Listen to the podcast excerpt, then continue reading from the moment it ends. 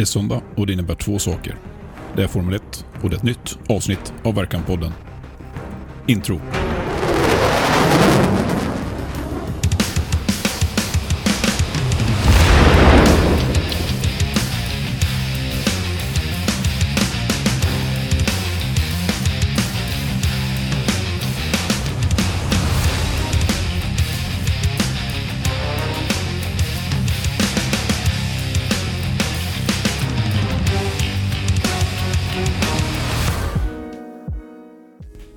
Men utan loungemusik, ingen Verkan-podd.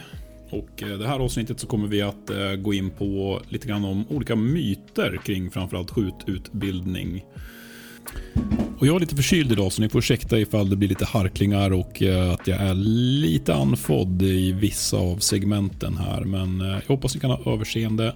Och så hoppar vi rakt in i första myten. Det går lika bra att skjuta med locket stängt. Nej, det gör det inte. Om det hade varit det optimala sättet att skjuta med rödpunktssikte så hade världens främsta tillverkare av rödpunktssikten inte brytt sig om att montera en massa linselement framför dioden som genererar den röda pricken. Men vad är grejen med locket stängt-idén? Jo, det går att skjuta med locket stängt. Det går till och med att träffa. Vissa tränare, till och med Aimpoint själva, använder att skjuta med främre locket stängt som en metod för att lära in dels att skjuta med båda ögonen öppna och dels att skjuta med fokus på målet istället för på kornpunkten.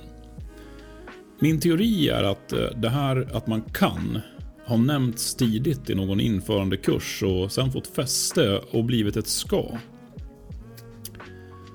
Anledningarna sägs då vara allt från att främre linsen skulle avge röjande reflexer, att rörpunkten lyser framåt på ett sätt som gör en synlig bildförstärkare och att man kan få snö på linsen om man har locket öppet och så vidare. Jag har, jag har hört de mesta anledningarna. Men vad är problemet med att skjuta med främre locket stängt? Det korta svaret är att de allra flesta drabbas av vad som enklast kan beskrivas som ett parallaxfel som gör att träffläget börjar vandra på olika avstånd. Kan du utveckla? Den långa förklaringen kräver att vi först förstår hur våra ögon fungerar. Såvida du inte sitter och kör bil eller stridsvagn. Så prova gärna det här experimentet på dig själv. Titta rakt fram på en punkt så långt fram som möjligt. Sätt sedan upp ett finger på armlängds avstånd och fokusera på fingerspetsen. För sedan fingret närmre och närmre ditt ansikte tills du träffar näsan. Som du troligtvis märkte så skelar ögonen mer och mer ju närmre din fokuspunkt kommer dina ögon. Våra ögon är alltså individuellt upphängda i huvudet så om vi istället tänker oss att du precis som Stålmannen kan skjuta laserstrålar med ögonen och du vill laserbekämpa en punkt 500 meter längre bort då kommer laserstrålarna och alltså riktningen på dina ögon att konvergera vid den punkten. Om du sedan målväxlar till en ny punkt 50 meter ifrån dig så kommer lasrarna att konvergera där och alltså ha en annan vinkel vid bekämpningen än om vi jämför med 500 meters målet. Och vi pratar inte om enorma förändringar i vinkel, men likväl en förändring. Men eftersom vi inte är Stålmannen så måste vi skjuta automatkarbin och inte ögonlaser. Vilket innebär att vi måste ta ett riktmedel framför ena ögat. Om vi inte kan se genom riktmedlet så vet ögat inte heller om vart det ska konvergera med det andra ögat. Vilket innebär att ögat som vi har täckt för kommer börja vandra iväg. Det går till viss del att testa det här fenomenet själv genom att med en hand över ena ögat låsa fokus på ett föremål någonstans i fjärran och sen ta bort handen.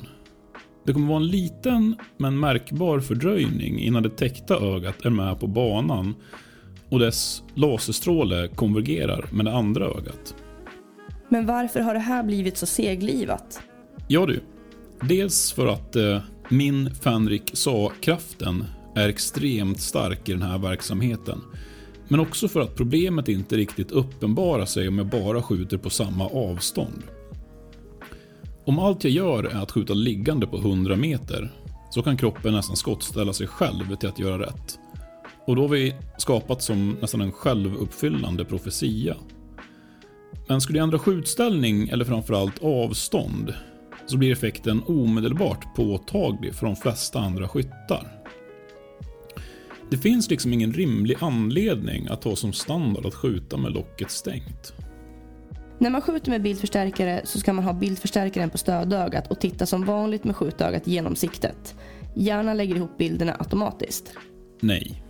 Av exakt samma anledningar som det stängda locket på rörpunktssiktet fast på steroider. Ha bildförstärkaren på skjutögat om du måste skjuta passivt. AK5D är smidig men har för dålig precision på lite längre avstånd. Ja, piplängden har ganska liten inverkan på vapnets precision. Däremot får kulan lite mindre fart, vilket ger en lite mindre flack kulbana.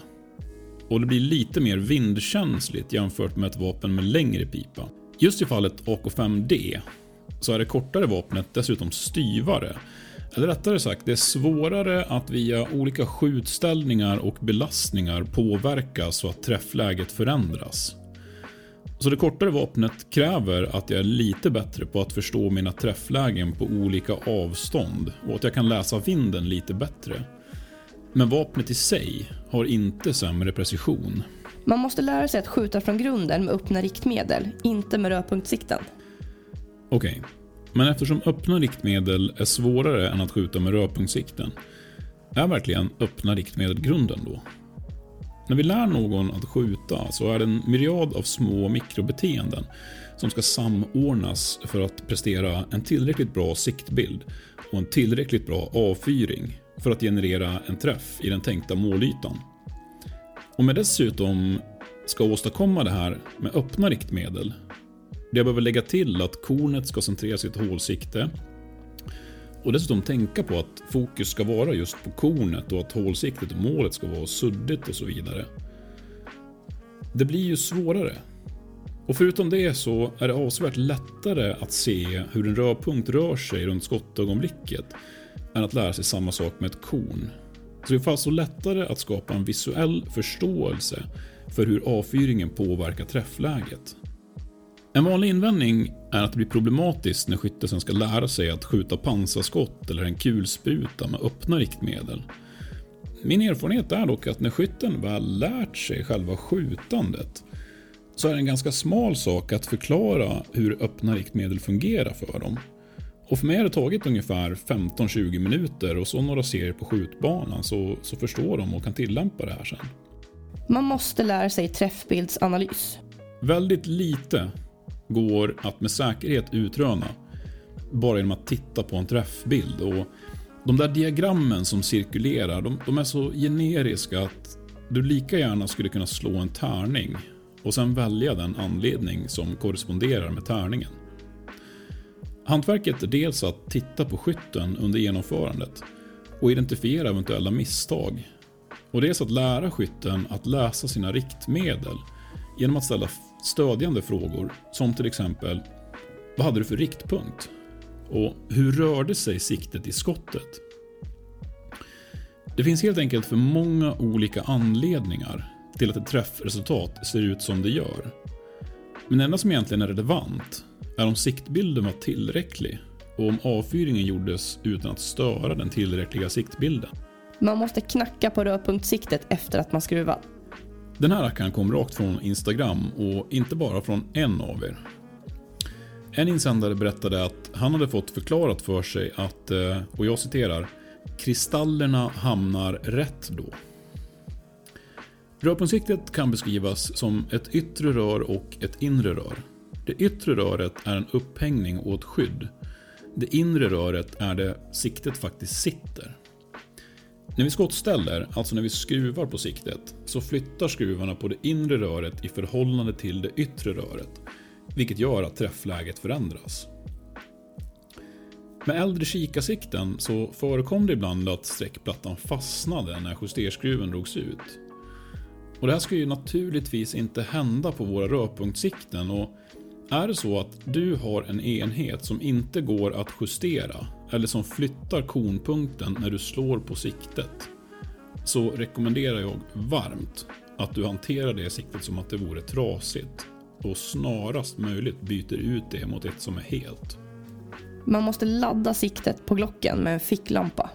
Den här gamla klassikern kommer från en artikel i tidningen Hemvärnet där eleverna på en pistolkurs under en mörkerskjutning fick ställa sig i en cirkel och hålla fram pistolerna så att instruktören kunde lysa på deras sikten med ficklampa för att ladda upp den självlysande ampullen. Mörkersiktet på pistol 88 innehåller tritiumampuller. Tritium är en radioaktiv väteisotop som i gasform används för att skapa något som kallas radioluminans. Och det här är vetenskap för att uttrycka att de lyser av sig själva utan vare sig elektricitet eller yttre ljuskällor. Skjuter du med magasinstöd så kommer du att få eldavbrott. Nej, det får man inte. Prova gärna själv. Grundregeln ska alltid vara att om jag kan skjuta med stöd, så skjuter jag med stöd. Oavsett om det är mot ett hörn på ett hus, en dörrpost, en tall, en värnkant, en polare eller om det är med magasinet i marken. När man skjuter ska man ha fötterna på linje, huka sig ner och vända plattan mot målet. Det vill säga vad vi skämtsamt kallar för bajsande björnen.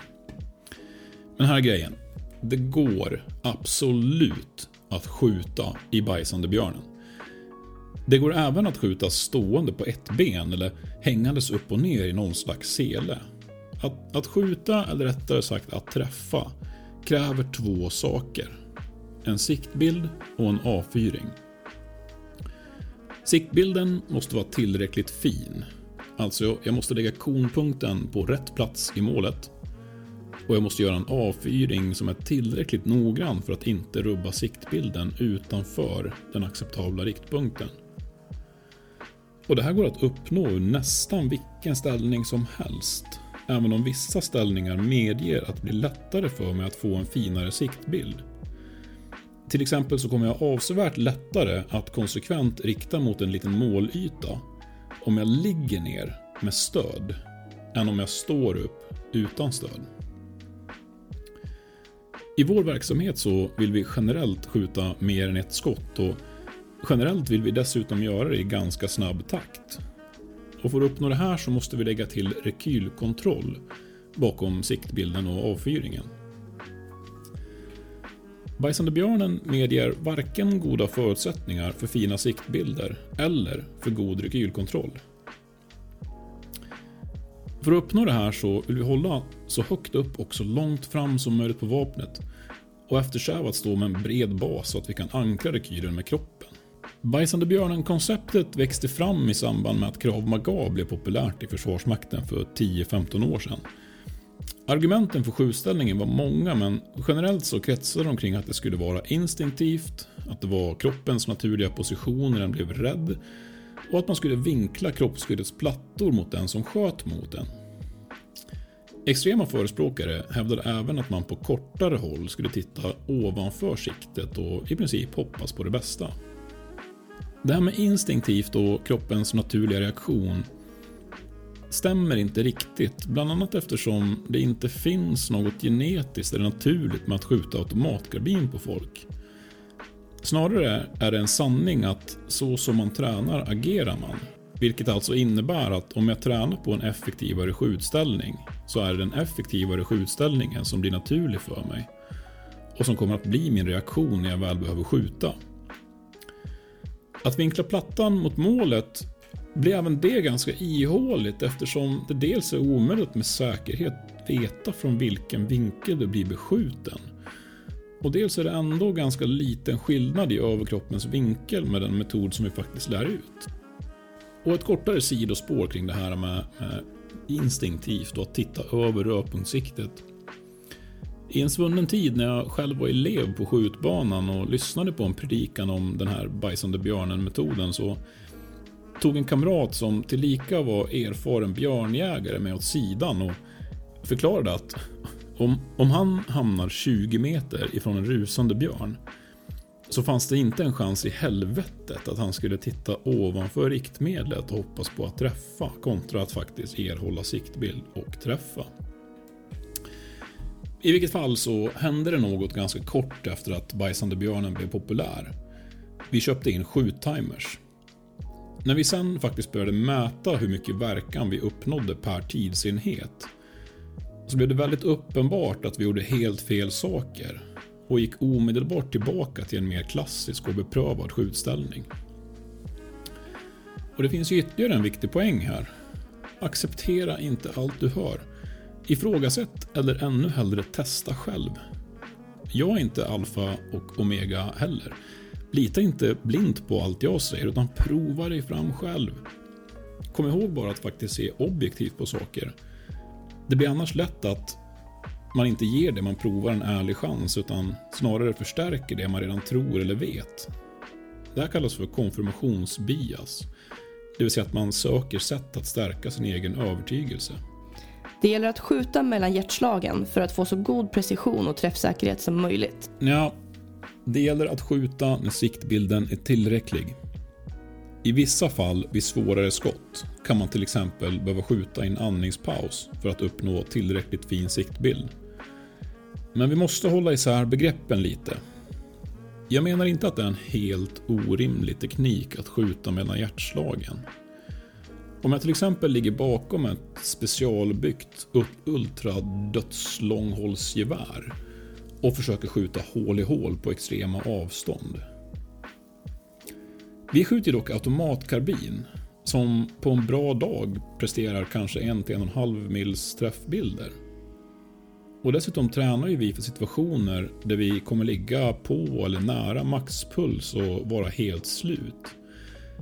Är det då verkligen rimligt att försöka tajma in skotten mellan de här 180 pulsslagen i minuten? Är det verkligen där skon klämmer? Jag vill nog påstå att det inte är riktigt relevant faktiskt. Och med det så rundar vi av eh, veckans eh, sändning. Jag hoppas att ni har en riktigt, riktigt bra arbetsvecka där ute på ert hörn av myndigheten så hörs vi igen nästa söndag med ett nytt rafflande avsnitt av Verkan-podden. Tack för att du lyssnar.